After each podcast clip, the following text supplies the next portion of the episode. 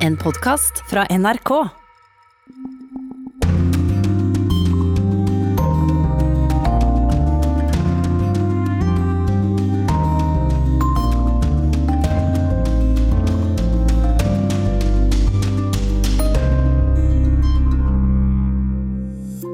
اوست د سولې لپاره زمینه مساعده شوې له دې فرصت Afghanistans president Ashraf Ghani kunngjorde i natt en delvis våpenhvile med Taliban. Men det er mange skjær i sjøen fram mot fred i det krigsherjede landet. Dette ble en av sakene i denne Urix på lørdagssendingen, der vi selvfølgelig skal innom Iran og valget der. Vi skal til Frankrike og til Brasil. De kan angripe oss så mye de vil, men vi svikter ikke vår sambaskole, sier hun. I Rio de Janeiro starter karnevalet. Det kommer i år til å bli mer politisk enn noen gang, får du høre seinere i sendingen. Og i dagens korrespondentbrev tar Kjersti Strømmen oss med til det virusrammede Kina. Portvaktene, som er tildekte i masker og varme jakker, sier at det er en spesiell og krevende situasjon nå. Stengslene er til alle sitt beste, vi må bare stå i det til slaget er vunnet. Velkommen til én time med utenriksstoff i Urix på lørdag, der vi i dagens podkast skal snakke om den politiske skurken Roger Stone, som denne uken ble dømt til 30 måneders fengsel av en amerikansk domstol. I studio i dag står Morten Jentoft. De neste sju dagene kan komme til å bli avgjørende om det blir fred i Afghanistan.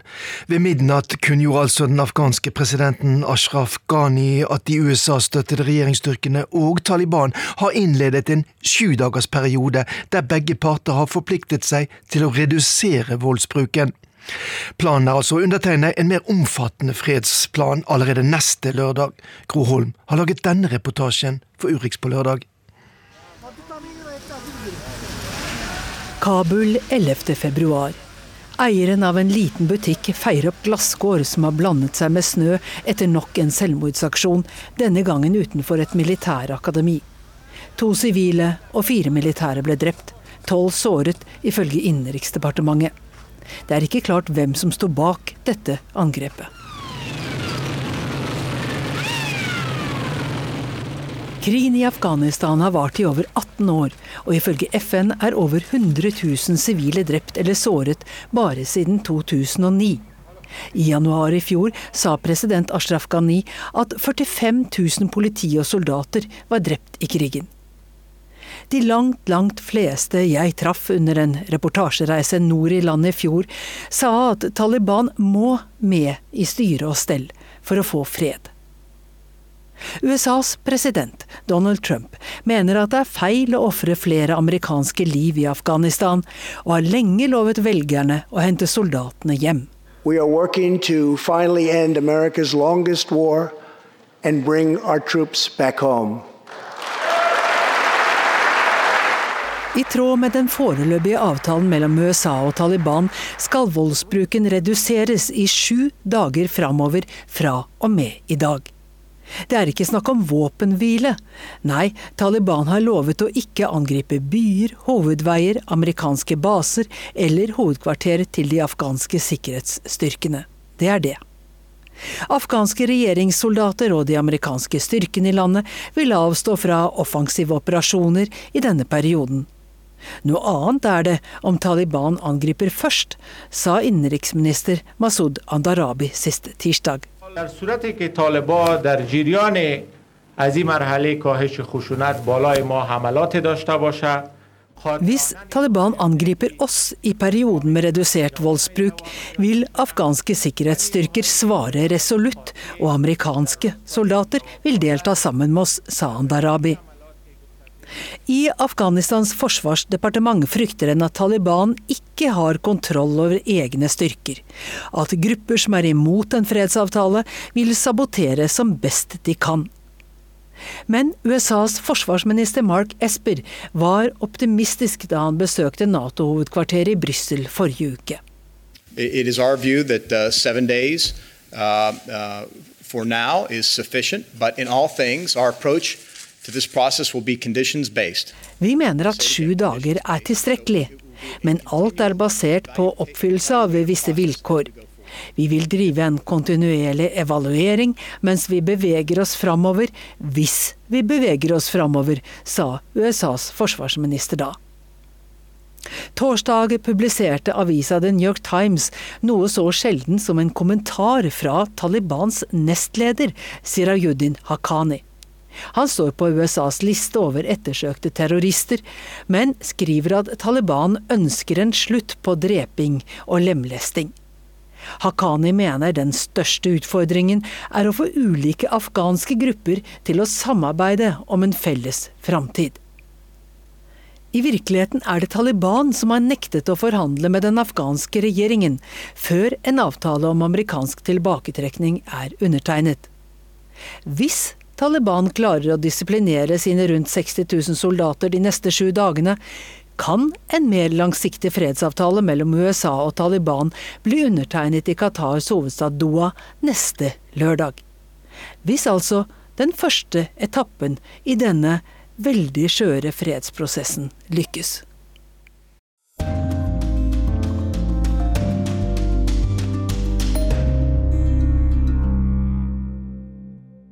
De første resultatene fra gårsdagens parlamentsvalg i Iran viser at de konservative kreftene har gjort det godt også i hovedstaden Teheran. Det er også ventet at kandidater som støtter den øverste leder i landet, Ayatollah Khamenei, kommer til å få flertall i parlamentet. Og korrespondent eh, Sissel Wold, du er i eh, Isfahan, en av de største byene i Iran i dag. Det er mye som tyder på svært lav valgdeltakelse. Hva kan det ha å si for det sittende presteregimet i Iran? Ja, Det viser vanligvis at det er de konservative og hardlinerne som vinner på det. Fordi at de er de mest eh, religiøse og konservative velgerne som går og stemmer. Eh, det er rundt 30% som har eh, avgitt stemme nå. Og dette er jo veldig lite, fordi siste parlamentsvalget i 2016 så var det 62% og i det siste presidentvalget i 2017 så var det hele 73% som brukte stemmeretten sin. Så dette er veldig lavt. Samtidig så er jo omverdenen kanskje mest opptatt av hva valget har å si for Irans forhold til bl.a. USA, etter at atomavtalen fra 2015 er under press. Har dette vært et tema under valgkampen? Det folk flest er opptatt av, er at økonomien er så dårlig og at inflasjonen er enorm. og Det henger jo også sammen med sanksjonene. Men eh, de som skal styre nå i parlamentet, eh, de må jo også håndtere en stor eh, murring, en stor misnøye innad i landet. Samtidig som de også må finne ut hvordan de skal håndtere det enorme presset Iran har fra utenomverden. Så det iranske folket er jo presset eh, fra flere kanter.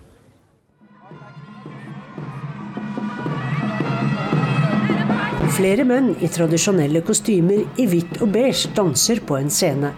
De vifter med skjerf i gult, grønt og rødt. På veggen over dem følger general Qasem Sulemani med fra en stor plakat. Vi er på valgvaken til Irans reformister, eller venstresiden, som vi kanskje kan kalle den her. Kvinner og menn skal egentlig sitte hver for seg, men det er ikke så nøye her når pressen flokker seg rundt politikerne. Vi får tak i Pervane Mafi, som håper å bli valgt til parlamentet Margelis.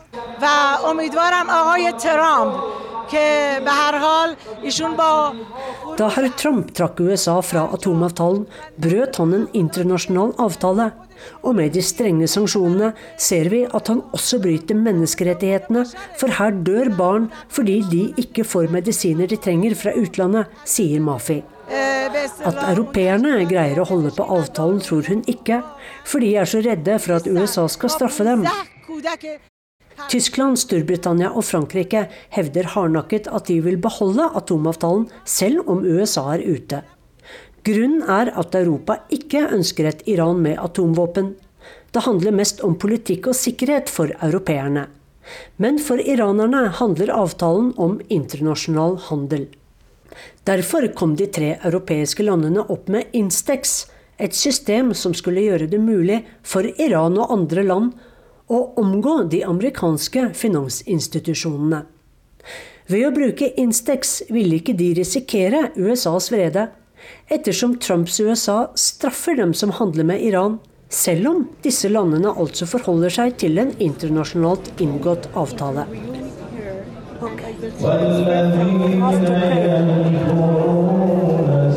Vi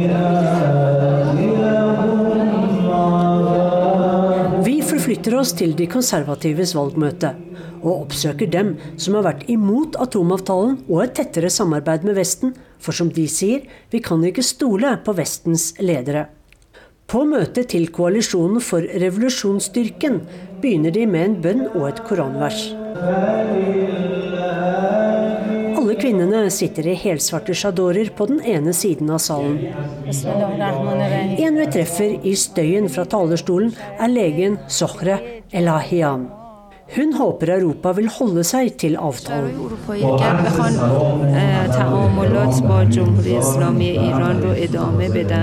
Vi ønsker at de skal fortsette å jobbe for økonomiske transaksjoner og handel med Iran, for vi mener at det også er i Europas interesse. Men om de skal få i gang samarbeidet igjen, må de leve opp til de løftene de ga og viser god vilje overfor Iran og den iranske nasjonen, understreker hun.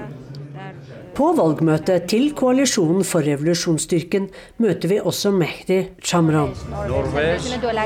Han er en kjent størrelse i Teheran ettersom han har ledet byens byråd, og er også en populær figur i den konservative leiren og bror av en kjent krigshelt fra Iran-Irak-krigen tror han atomavtalen overlever med europeernes hjelp.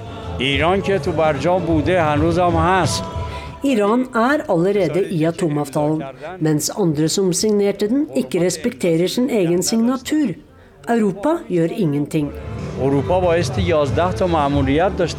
Europa sier de holder på avtalen, men vi har ikke sett noen handling som tyder på det. Europeerne hadde elleve oppdrag de skulle oppfylle. Men de har ikke oppfylt noen av disse, sier Mehra Shamran til oss. Ute på gatene i Teheran er det synlige endringer siden sist jeg var her for to år siden. Da var franske bilprodusenter ivrige etter å komme i gang med produksjon av biler i Iran. Men da Trump trakk seg ut, trakk også franskmennene seg ut, sammen med alle andre vestlige firma. I bybildet her finnes ikke en eneste Starbucks, McDonald's eller 7-Eleven. Her er ingen Sara, Hennes og Maurits, eller andre kleskjeder du ser over hele verden. Den eneste som ikke lar seg skremme av Trumps sanksjoner, ser ut til å være Coca-Cola, for det får du overalt i Teheran. Som reisende er det fascinerende å finne et land så upåvirket av vestlig kultur og de store internasjonale kjedene. Men for iranere betyr det at de ikke får tilgang til sårt tiltrengt medisin, viktig teknologi og teknisk utstyr. I tillegg til at omverdenen, med USA i spissen, maler et svært negativt bilde av landet nå. Tyrkia og Russland fortsetter å gjøre det borgerkrigsherjede Syria til sin slagmark. Nå i formiddag skal russiske fly ha angrepet mål ved byene Atarib og Kafr Hama vest i Aleppo-provinsen. Samtidig var tyrkiske styrker torsdag og fredag involvert i artilleridueller med syriske regjeringsstyrker i Idlib-provinsen. Hundretusener av sivile er på flukt fra kampene nordvest i Syria nå. Situasjonen er desperat, forteller journalisten Ahmad Amin på telefon inne fra Idlib by. بالنسبة للقصف في مدينة إدلب والوضع بشكل عام طبعا هناك قصف مدفعي يتركز على المنطقة الصناعية في مدينة إدلب Akkurat mens vi snakker sammen, så er det russiske fly som bomber industriområdet her i utkanten av Idlib, forteller journalisten Ahmad Amin, som jobber for den syriske opposisjons-TV-kanalen TV Idlib. Da kollega Mohammed Alayobi snakket med ham i går ettermiddag, kunne han fortelle om en svært spe... Kunne han fortelle Akkurat mens vi snakker sammen, så er det russiske fly som bomber industriområdet her i utkanten av Idlib, forteller journalisten Ahmad Amin, som jobber for den syriske opposisjonskanalen TV Idlib. Da kollega Mohammed Alayobi snakket med ham i går ettermiddag, kunne han fortelle om en svært spent situasjon i den nordvestlige delen av Syria, der de syriske regjeringsstyrkene støttet av russiske fly og iransk milits slåss mot restene av den syriske opprørsbevegelsen, som nå har fått støtte av regulære tyrkiske styrker. طبعا الفصائل الفصائل المعارضه عندما دخلت مدينه النيرب او بلده النيرب طبعا Ahmed Amin forteller om de voldsomme kampene om landsbyen Neirab øst for selve Idlib by de siste dagene, der opprørere støttet av tyrkiske spesialstyrker har forsøkt å drive de syriske regjeringsstyrkene ut, men har blitt drevet tilbake. Dette handler om kontroll om den viktige motorveien fra Damaskus til Aleppo, sier Amin. Og det var tydelig at de syriske regjeringsstyrkene hadde forberedt seg godt til opposisjonens motoffensiv. De russiske bombeflyene spilte også en viktig rolle, ifølge den syriske journalisten, som altså tilhører opposisjonen mot den syriske presidenten Bashar al-Assad. Han forteller at opposisjonen og tyrkerne har klart å skyte ned to droner som tilhører regjeringshæren eller russerne de siste dagene. Han forteller at droner også henger over selve byen Idlib nesten kontinuerlig. طبعا مدينة إدلب منذ القصف الذي استهدفت به المحافظة ولا زالت تسمع أصوات القصف المدفعي بأطراف المحافظة siden bombingen startet, er byen fullstendig lammet, forteller Ahmad Amin. Folk flykter fordi de er redd for at hele distriktet blir angrepet, inklusiv sentrum av byen. Byen har blitt et oppholdssted for mange flyktninger fra andre steder av Syria. Nå er det nesten ingen handel i gatene, og det er veldig sjelden at du treffer folk ute, bortsett fra på hovedveiene. Enkelte forretningsmenn har tatt med seg varene sine ut av byen av frykt for angrep. Det er en svært spent situasjon i hele området nå. Det kommer meldinger om at Tyrkia vil angripe i slutten av februar. President Tajib Erdogan har jo gitt Assad-styrken en tidsfrist, sier altså den syriske journalisten, som fremdeles er inne i Idlib-provinsen, det siste større området som de syriske opprørerne kontrollerer.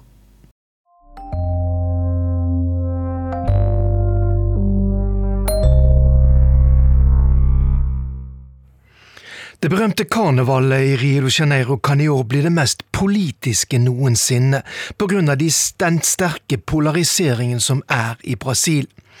Etter at høyrepopulisten Jair Bolsonaro kom til makten, er nemlig sambaskolenes opptog blitt mer preget av et klart politisk budskap, forteller Arn Stefansen fra verdens karnevalhovedstad. Det er lørdagskveld i kulturhuset i Mangueira, en fattig bydel i Rio de Janeiro. Her pågår de siste forberedelsene foran årets karneval. Bydelens store stolthet, sambaskolen Mangueira, er Rios regjerende karnevalsmester etter seieren i fjorårets sambakonkurranse. Og nå håper medlemmene på en ny seier. Forventningene er veldig høye, sier José Ricardo, som leder en av avdelingene i paraden. Vi satser på å bli den første skolen i Rios historie som vinner sambakonkurransen to år på rad. Og jeg mener vi har en flott parade med et sterkt budskap, sier han. Og Mangeiras parade har allerede vakt stor oppmerksomhet. Skolens samba enredo, sangen som synges i paraden, er svært kritisk til Brasils høyreradikale og kaller dem intoleransens profeter. Og paraden fremstiller Kristus som en moderne brasilianer, men som fattig, svart og homofil. Escola de Samba Mangueira, no Rio de Janeiro, ataca os cristãos, desrespeita a figura de nosso Senhor Jesus Cristo. Sambaskolen Mangueira i Rio de Janeiro angriper de kristne og viser forakt for vår frelser Jesus Kristus, sier Frederico Viatti ved det kristenkonservative instituttet Plinio de Oliveira.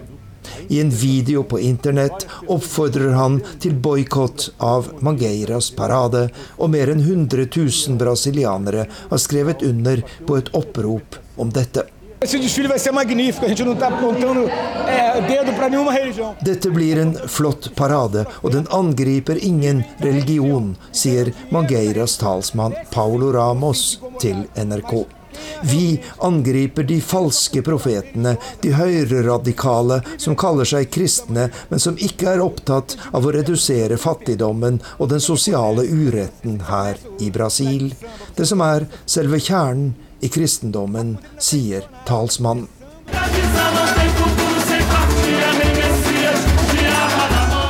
Messias med våpen i hånd gir ingen fremtid, lyder en av setningene i Mangeiras sangtekst. Den er en hilsen til Brasils president Jair Bolsonaro, som har mellomnavnet Messias. Hans politikk har ført til økt fattigdom og til at flere unge i de fattige bydelene blir drept av politiet, sier Paulo Ramos i Mangueira. Se mata qualquer motivo.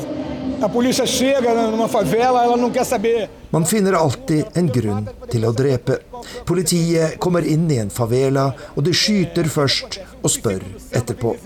Regjeringen skryter av at kriminaliteten går ned, men tallet på politidrap øker kraftig, og det tallet er selvsagt ikke med i regnestykket.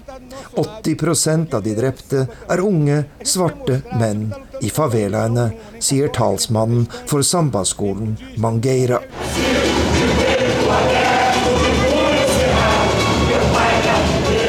Er generalprøve på Sambodromo, Rios berømte sambastadion. Mangeiras mer enn 4000 dansere serverer en gnistrende parade, og kritikken mot skolen legger ingen demper på stemningen. Mangueira! Dette er Mangeira, den eneste ene og den beste, sier tilhengeren Rosimari Lima, som har funnet seg en plass i første rekke når paraden går forbi. De kan angripe oss så mye de vil, men vi svikter ikke vår sambaskole, sier hun. Og natt til mandag danser Mangeira for seier, men også for et mer rettferdig Brasil.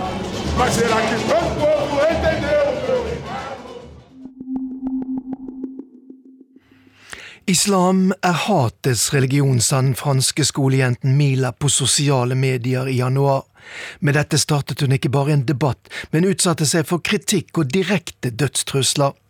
Men hun forsvares av selveste president Emmanuel Macron, som har presentert en plan for å bekjempe ekstrem islam. Mila-saken er blitt en prøvestein for ytringsfrihet i Frankrike. Reporter i Paris er Johan Tolgert. Euh, moi, je crois qu'on est dans un pays laïque. et Tout le monde peut dire euh, ce qu'il pense. Frankrike är ett land som inte styrs av en religion. Så Mila har fullständig rätt att säga och tycka vad hon vill, anser konsulten Mohammed i Paris. I 16-åriga Milas omtalade film och som lagts ut på sociala medier säger hon så här. Le Coran est une religion de haine Koranen är hatets religion, säger Mila. Orsaken bakom uttalandet ska ha varit att en muslimsk pojke skändat Mila på grund av hennes homosexualitet. Jag sätter fingret i er Guds stjärt, säger Mila också i filmen. Votre Dieu, je lui mets un doigt dans le trou du cul. Unga läraren Marie i Paris tycker dock att Mila gått absolut för långt. Ouais, je pense qu'elle est allée un peu trop loin, oui. Ouais. Läraren anser att man inte ska använda vulgära ord i en debatt. Efter flera hundra anonyma dödshot fick Mila lämna sin skola. Polisen misstänker att politisk islamism ligger bakom många av de anonyma hoten. I den livfulla debatten ställer man sig frågan var går gränsen för yttringsfriheten? Världsberömde libanesiske trumpetaren Ibrahim Malouf skriver på sociala medier Mila förtjänar inte dödshoten, men hon uppmuntrar till hat mot muslimer, anser Ibrahim Malouf. 16-åringen kritiseras även av feministen och före detta presidentvalskandidaten Ségolène Royal. Kritiserer man en religion bør man gjøre det med respekt, sier Ségolène Royal til TV-kanalen France 3. 16-årige Mila får dock stöd som av Zineb El Razoui, före detta journalist på terrordrabbade satirtidningen Charlie Hebdo. J'approuve intégralement ce qu'elle a dit. Je suis d'accord avec elle sur chaque mot. Je trouve qu'elle est un modèle pour la jeunesse française. Hon tycker att Mila är en modell för fransk ungdom. Mila slåss för ytringsfrihet, menar Zineb, som ofta talat offentligt i Norge. Mila attackerar inte ett folkslag, anser hon. För man är inte en religion, utan man väljer sin religion, säger Zineb El Razoui. Mila a été très très claire. Il y a une différence entre avoir une religion et être une religion. President Emmanuel Macron säger att man i Frankrike har rätten att kritisera samt göra satir av alla religioner. Hädelse är alla fransmäns rätt. Han har alltså tagit ställning för Mila. Mila har bett om ursäkt, men bara delvis. Je regrette la vulgarité, c'est. Jag ångrar att jag sagt vulgära saker, säger hon till TV Monte Carlo. Men jag hävdar fortfarande rätten till hädelse, säger Mila. Je regrette absolument pas mes propos. C'est ça, le droit au blasphème.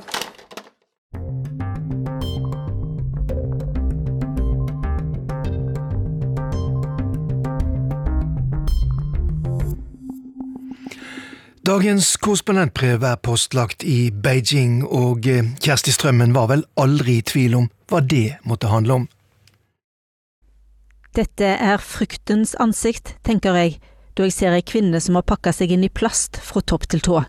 Hun er kledd i ei gjennomsiktig regnjakke med hette på, på føttene har hun plastposer, på hendene har hun hansker i plast. Hun har strekt tynn plast over brillene og andre plasser der det kan oppstå gliper. Også veska er dekka i plast. Kvinna jeg møter på flyplassen i Beijing tar ingen sjanser. Hun forteller at hun kjenner seg tryggere bak en rustning av plast, og at det er bedre å være føre var enn ettersnar. Noen ganger er den usynlige faren langt verre å håndtere enn mer synlige trusler. Tre uniformkledde vakter haster forbi i en utrustning som får dem til å se litt komisk ut. De har hetter på hovedet, vernebriller, ansiktsmasker og plasthansker på. Like snart dukker en mann i hvit frakk og samme utrustning fram fra baksida av et langt skjermbrett. Et par reisende i 60-åra går arm i arm med hver sin plastpose på hovedet, begge har trett på seg blå plasthansker. I bagasjehallen har en hel familie pakka seg inn. De ser ut som spøkelser der de i flagrende plast fer fram og tilbake med kofferter mellom bagasjebånd og traller. Etter hvert ser de ut til å ha et familieråd om hvordan de skal håndtere viruset når de møter verden utenfor flyplassen. De ville trolig satt pris på sjåføren jeg møter. Han har plastra seg inne i førersetet og forteller at han har anbefalt alle sine kollegaer i drosjebransjen å gjøre det samme. Det gjør godt for sjela, sier han, en blir mindre engstelig. Han ler, og jeg ler, men alt jeg kan se gjennom all denne plasten er et par smilende øyne i spegelen. Munn og nese er selvsagt dekka med ansiktsmaske, som nå er påbudt for drosjesjåfører, og ingen passasjerer uten maske får sitte på. Jeg har hatt heimlengt etter å ha vært borte i mer enn to uker. For uansett virusfare er borte bra, men heime best. Jeg elsker å bo i Beijing. Når jeg fer innover fra flyplassen på en usedvanlig tom motorvei, kjenner jeg likevel på ei trykkende stemning. Forurensninga ligger som ei tung og klam tåke over byen. Jeg er vant med å bruke ansiktsmaske, men nå er det to store farer den skal holde ute, virus og forurensning. Dobbelt opp. Det er hakket for klaustrofobisk. Reisa inn til byen går på rekordtid, folk flest er ikke på reise. Styresmaktene har utvida ferien folk får i samband med kinesisk nyttår, mange av de millionene som drog hjem til sine foreldre er parkerte der. De som slipper ut av lokale karantener, vil likevel ikke å dra til Beijing, for her har de fleste boligblokkene også innført karantene, og folk kan uansett ikke gå på jobb. Likevel blir jeg overraska da jeg kommer til åpen dør i eget hus. Velkommen heim, roper hushjelpa muntert. Hun forteller at hun er glad for å se meg, for hun har bodd alene i huset og opplever at det er for stille, nesten litt skummelt. Jeg nøler. Visst hadde jeg bedt henne om å passe på dyra vi har i heimen medan jeg var borte. Fiskene må ha mat, kaninen må hoppe litt rundt og skilpadda trenger selskap, men det betyr ikke at hun må være på plass både natt og dag. Hun forteller at nye og strenge rutiner som er innført gjør det vanskelig å veksle mellom henne eget og mitt hushold. Selv om hun har leilighet i sentrum av Beijing, slipper hun ikke inn der nå, fordi hun bare er leieboer og ikke eier. Ved inngangen siler portvakter ut hvem som får tilgang. I prinsippet kan hun dra hjem til sitt eget hus, som ligger i utkanten av Beijing et par timer unna sentrum. Problemet er at hun vil bli satt i karantene så snart hun setter sin fot der. Det betyr at hun ikke kommer ut når hun først drar inn. Et dilemma. Jeg er ikke mørkredd og kan godt like å ha heimen for meg sjøl.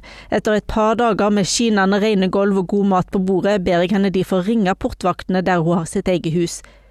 De lover omsider at de ikke skal holde henne i streng karantene om det er krise og jeg trenger henne tilbake. Men lovnaden kommer i advaring. Hver gang hun kommer tilbake til sin egen heim, må hun begynne på en ny to ukers karantene, selv om hun for lengst er klarert i sentrum. Hun blir glad for at hun får mer tid med egen familie, og drar i von om at jeg ikke trenger henne før det har gått to uker og stengslene tas ned. Hun gir meg et skjema nabokomiteen har vært innom med, der jeg må fylle ut både reiserute og kroppstemperatur. På veggen utenfor døra henger det et ark som blir kryssa av for hver gang de kommer på besøk.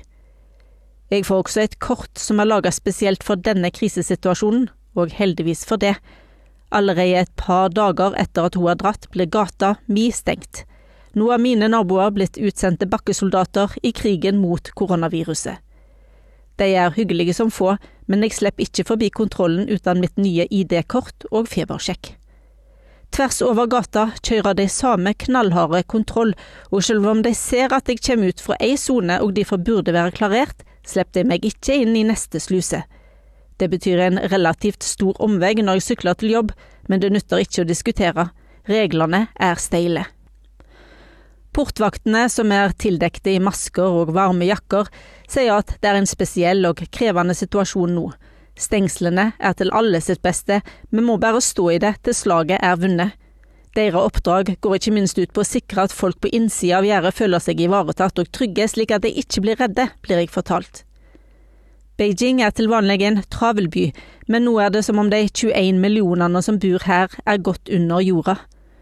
Kina kom kritikkverdig seint på banen i kampen mot viruset, men gjør nå sitt beste for å komme det til livs.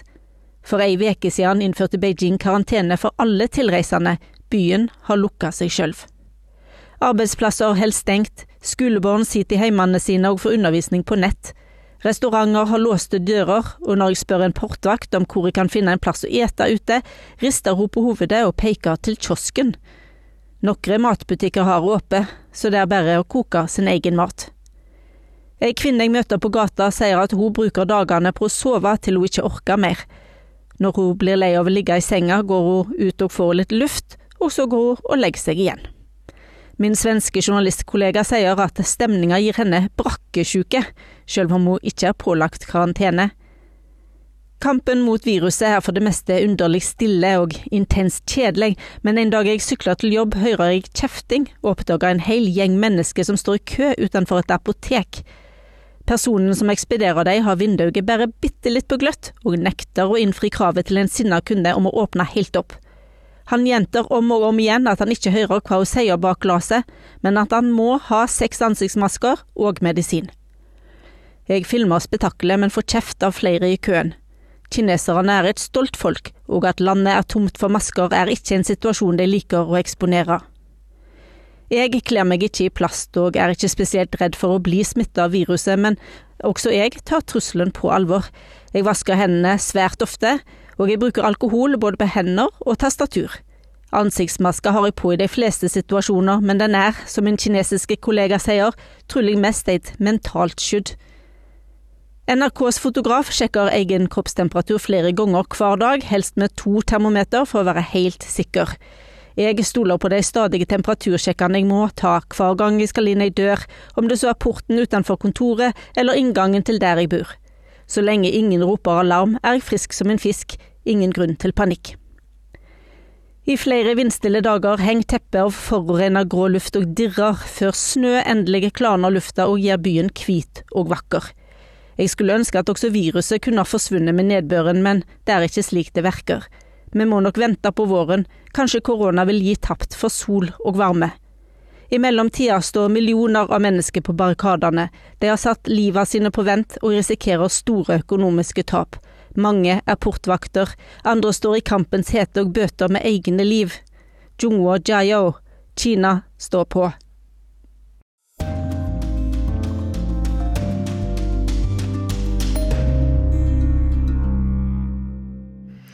Ukens utgave av podkasten Krig og fred handler om den amerikanske politiske operatøren Roger Stone, som torsdag denne uken ble dømt til 40 måneder i fengsel. Han ble dømt for å lyve for Kongressen og for å ha truet et vitne. En podkast fra NRK. Roger Stone is again at the center of controversy. Som unggutt meldte han seg til tjeneste for å hjelpe Richard Nixon å bli president. Midtveis i livet perfeksjonerte han sine politiske triks for Ronald Reagan og George Bush. Og som aldrende mann var hans største seier å få Donald Trump valgt. Selv har han aldri hatt noe valgt embete. Og har stort sett fått holde på i skyggen til nå. Så hvem er Roger Stone egentlig? Og hvor skittent er spillet han har holdt på med? Du hører på Krig og fred med Tore Moland og Halvard Sandberg. Nei, når du er 20 år og allerede har hatt en serie med dirty tricks, så er det jo klart at dette var jo ideelt. Å få lov å bli kjent med I'm not a crook, Richard Nixon, det bød på enestående muligheter. Mitt navn er Geir Lundestad. I 25 år var jeg jo direktør på Nobelinstituttet, men jeg var jo også professor i historie, der jeg stelte med internasjonal politikk. I tillegg til amerikansk innenrikspolitikk, og det er jo ufattelig gøy og spennende og veldig åpent å følge med i USA, så det har jeg brukt mye tid på. Lundestad, Roger Stone. Hva er det du tenker på først da? Da tenker jeg på dirty tricks. Og det er jo en uh, tradisjon. Han er jo ikke den første, og blir heller ikke den siste. Men han har holdt på veldig lenge, så han er vel en av de med lengst rulleblad innenfor dirty tricks. Jeg ble litt overraska da du så hvor lenge han har drevet på? Ja, det gjorde jeg jo. Og hans første lille episode, den er jo ganske artig, da, for da var han Kennedy-tilhenger. Og han satte ut rykte om at uh, Nixon ville innføre lørdagsskole for å få han stempla. Men det må ha vært en veldig kort periode, for han uh, er født i 52, og dette var jo 1960 eller omkring der. Ja, Han var åtte år gammel. Han har vært åtte år, ja. ja Men en foretaksom kar. Ja, ikke barneskolen. Har lært seg dirty triks i ja. politikken allerede da? Nei, han har jo holdt det på høyresida. Og uh, av alle han beundrer, så beundrer han tydeligvis Richard Nixon mest. Og det sier jo ganske mye, da. Men han hjalp jo Reagan, og han har jo et veldig langvarig samarbeid med Trump. Nei, dette høres ikke bra ut. Han høres ut som en skurk. Roger Stone og Donald Trump, er det sånn par lagd i himmelen? Nei, det starta jo som et økonomisk fellesskap. At Trump, særlig i kasinodriften i Atlantic City, da, han trengte litt hjelp, og da dukka Roger Stone opp. Så det var jo først og fremst et økonomisk fellesskap, men så ble det jo også et politisk fellesskap. Tror du Stone har dyttet frem noen egenskaper vi nå ser hos Trump? Ja, har han, han, har jo forsterka dem. Altså, Trump er jo sin egen mann. Han, jeg tror ikke, han lar seg ikke styre av noen andre, i hvert fall ikke som president. Det ser vi jo etter hvert som han avskjediger selv sine nærmeste medarbeidere. Én ting har nok Stone lært uh, Trump, og det er jo alltid å gå på offensiven. Alltid gå på offensiven. Aldri ta selvkritikk. Aldri selvkritikk. Å gå på offensiven, uansett Sånn at hver gang det kommer et eller annet opp, så går han jo øyeblikkelig til motangrep. Det, jo, det, var Obama som var skyldig, ikke sant? Det var jo det, at han slapp unna med en åpenbar rasistisk løgn, og at han holdt på med dette i, i, i to-tre år, det, det, er jo egentlig helt forferdelig. Men uh, Ja, Det at han ikke var født i USA, ja, han var ja, født ja. i Kenya. Ikke Det var jo bare tull. Han hadde ikke noe bevis. De hadde jo jobba som bare fanken for å skaffe bevis, og klarte det aldri. Og så, at motkandidaten Hillary Clinton da, skulle bures inne, det var jo det store kampropet 'lock her up'. Det, det er jo helt utrolig, da. Men sånn er han jo. Alltid på offensiven. Aldri selvkritikk. For han er verdens Han er et stabilt geni.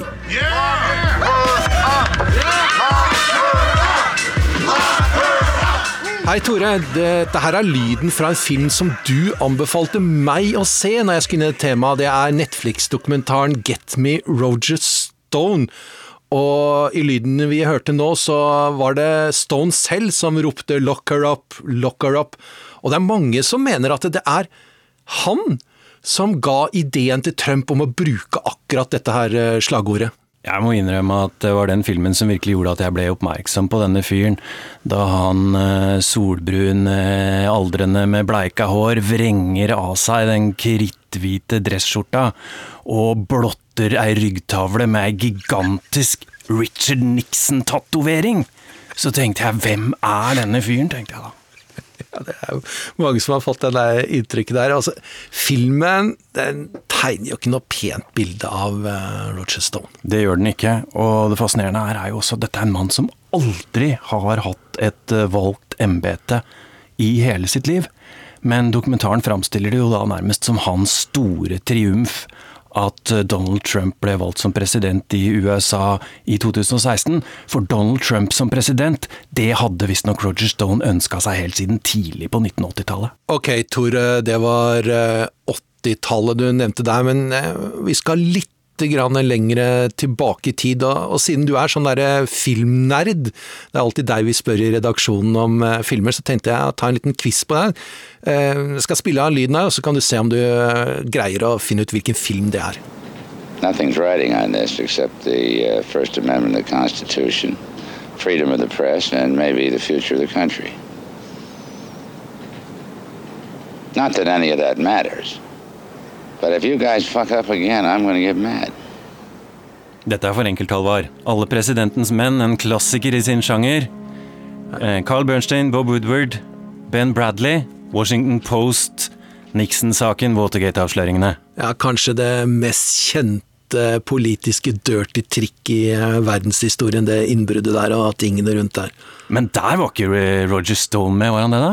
Nei, han er blånekter for at han var med på selve innbruddet eller tingene rundt det, men han har skrytt nå veldig av at han fikk en spion inn i staben til Herbert Humphrey, som var en av de demokratiske kandidatene. Så han var innenfor liksom samme bransjen da, som de der mer profesjonelle der. Og det er ganske fascinerende å tenke på at på dette tidspunktet så var vel Roger Stone så vidt fylt 20 og gikk rett inn i valgkampstaben til Richard Nixon. Ja, Der ble han vel tatt imot med åpne armer, kan jeg tenke meg.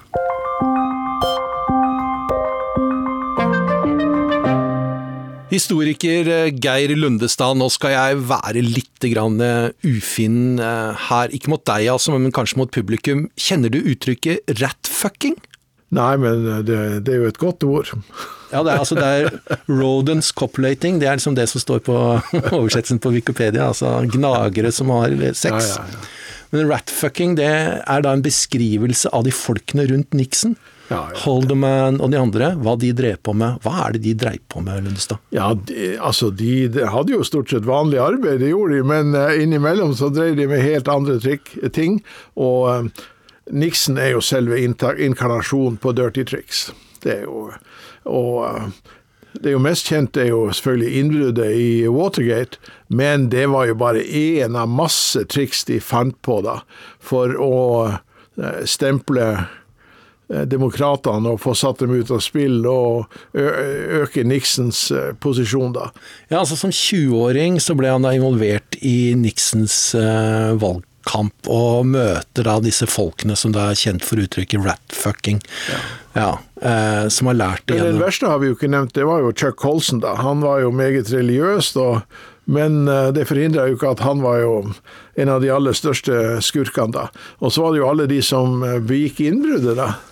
Jeg har jo drevet kildestudier i Amerika. og husker En gang så jobba jeg i Utenriksdepartementet og, og så på gamle dokumenter, og så sa de at du kan sitte her. Du kan få en arbeidsplass her inne. Og da bruker du samme arbeidsplassen som i Howard Hunt, da han forfalska diverse eh, dokumenter inn i eh, Nixon-administrasjonen. Så det, det, var jo veldig interessant at de i det seriøse Utenriksdepartementet drev den type guiding i dirty tricks. Tror du de var litt stolt av det? Det de drev på med? Ja, de som gjorde det, ja. ja klart de var stolte av det. De, de gjorde det jo av en grunn. Grunnen var jo selvfølgelig å skade demokratene, og hvis Nixon ble gjenvalgt, så jo, ville jo de på en måte være helter, da. Så, så, de var nok stolte av det. Men så gikk det jo riktig galt, da. Det, da blir man ikke så stolt.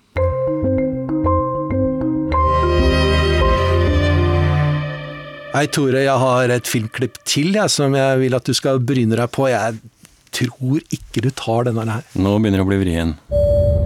Ladies and gentlemen, it is our pleasure to announce that alcoholic beverages are now available as we have cleared Iranian airspace. Jeg er ikke sikker på om jeg tar den her, men det høres ut som noe som har med gisseldrama i den amerikanske ambassaden i Teheran i 1979-1980 å gjøre?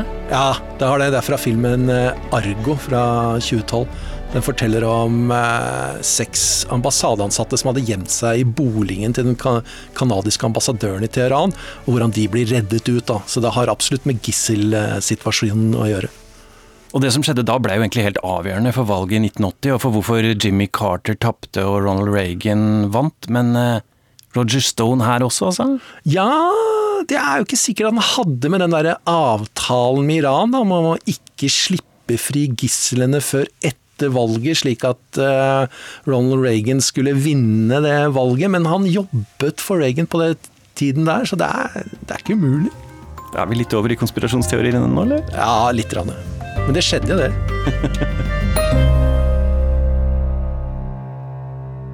Geir Lundestad. Et viktig øyeblikk i amerikansk politikk og en stor omveltning i verdenshistorien.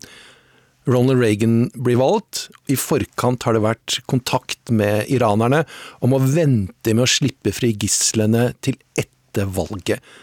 Er det dirty tricks? Ja, det er vel på grensen. Men det er jo den type ting som eh, det foregår mye av. Man prøver jo hele tida å legge forholdene til rette da. Nixon hadde jo det samme, at man måtte Eh, altså i 68, da. Eh, man måtte ikke få til en, en, en fredsavtale for Vietnam, da, fordi at det Da ville Humphrey ha en utmerket sjanse, da.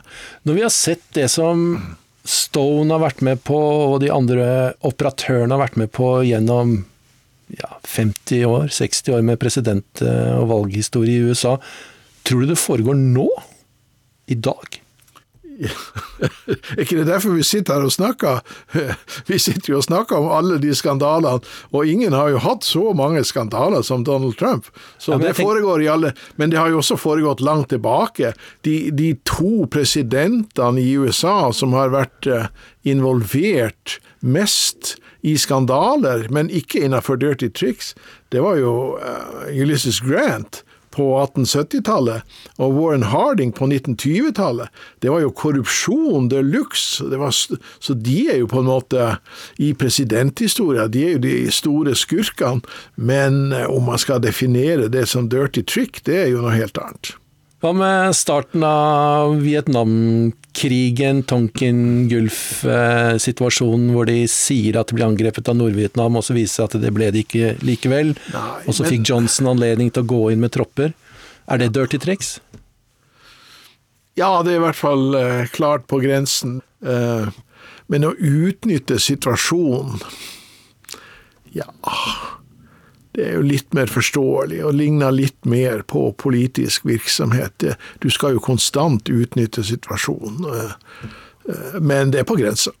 John F. Kennedy, da han ble valgt i 1960, ja, ja, det, det, var med en meget tynn margin.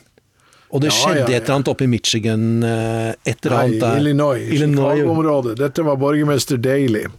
Han hadde jo gjort det klart han skulle skaffe de nødvendige stemmene. Var ikke det skikkelig dirty triks? Jo, det var dirty trick. Men er det ikke det Stona driver på med? Jo da, det også. Så det å trekke klare grenselinjer her, det er helt umulig. Uh, Hva er det Stone har gjort som er så ille, når du tenker på alt det andre som har foregått? Er det det at han har skrytt? Han har jo løyet mange ganger. Han har løyet i, uh, i forhør og Uh, ja, det er nå, når han nå til ja, slutt ble tatt. Men, ja. Eh, men, det at man sier at han er Ja, men at han er sånn He's a political hitman. Han, er liksom, han har drevet helt sånn på grensen. Liksom, han har blitt stempla som den, den, verste av de verste. Og så ser vi hvor mye annet som har foregått. Altså, har han fått ufortjent dårlig rykte? Jeg ville være den siste til å forsvare Roger Stone. Ok, Tore, jeg gir meg ikke med disse filmene, jeg, og denne her er jeg ganske sikker på at du ikke tar. Altså, det, det, er ikke, det, er ikke, fra en av verdenshistoriens mest kjente filmer. No, no, Mr. Vice President, please, please, sir, listen to me. You cannot concede. Not yet, sir.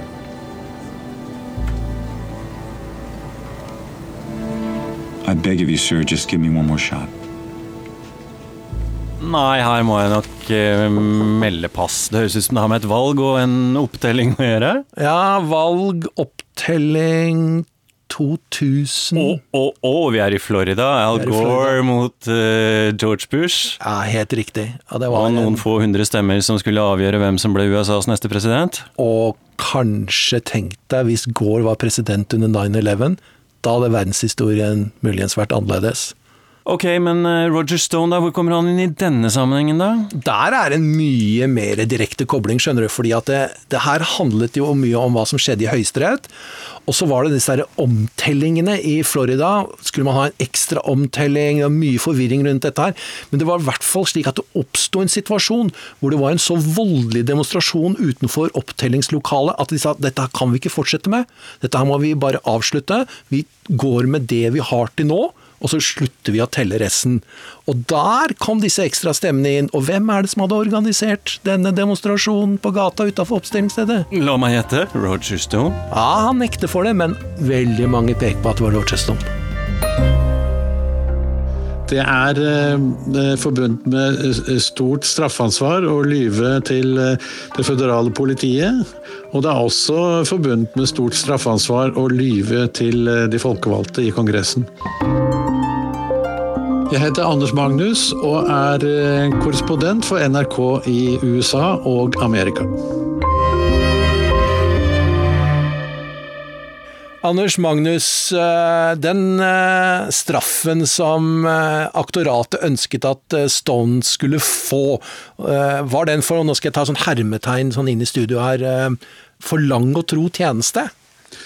De som har kritisert uh, denne straffepåstanden, mener jo at det rett og slett var en ren hevn uh, fra uh, folk som de mener tilhører den dype staten. og det er jo svært mange i USA som tror at eh, i eh, det amerikanske statsapparatet finnes en gruppering som eh, bare jobber for at Trump skal bli fratatt presidentmakten, og at de også forsøker alt de kan å sverte hans venner, både politisk og andre, og at dette er en del av det. Mens de på den andre siden, altså demokratene, mener at at det er ingen som skal blande seg inn i aktoratets uh, straffepåstand, og at de må være uavhengige, og at det de ikke skal kunne instrueres verken fra uh, presidenten og heller ikke fra justisministeren. Skal jeg bare kaste ut en eh, tanke her, eh, Anders Magnus. Altså, du sitter da som aktor i en eh, straffesak, og så har du en kar foran deg som du nå kjører sak mot. Og så vet du veldig mye om denne fyren. Blant annet har du sett en Netflix-film om han, hvor han fremstilles som ganske så sleip, og en mann som også har innrømmet og brutt loven tidligere. Og nå har du mulighet til å straffe han. Tror du det kan ha påvirket litt? Dette vet jeg ikke, eh, men jeg vil ikke tro det, fordi jeg har fortsatt eh, en slags tiltro til det amerikanske justisvesenet, og tror at eh, de jobber ut ifra det som er anbefalt straffeutmålinger, og at de ser på alvorlighetsgraden i de forbrytelser som en, en, som er kjent skyldig, har begått. Altså, vi skal jo ikke glemme at han er jo eh, vurdert av en jury som har kjent han skyldig på sju tiltalepunkter, alt han ble tiltalt for. Og at eh, aktoratet da mener at dette er en eh, rimelig straffepåstand. Anders Magnus, det Stone var tiltalt for, er det veldig alvorlige greier? Ja, det er veldig alvorlig det er, eh, det er, absolutt noe man blir fengslet for i USA. Å lyve for politiet er, ses på som svært alvorlig, og også å true vitner. Du har hørt Krig og fred om Roger Stone uten Roger Stone fra NRK Urix. Lydregien i dag var ved Hans Ole Hummelvold. Og hvis du ikke har fått nok av det vi har sendt i Urix på lørdag, så har du muligheten å høre en litt forkortet utgave av sendingen på P2 klokken 16.30.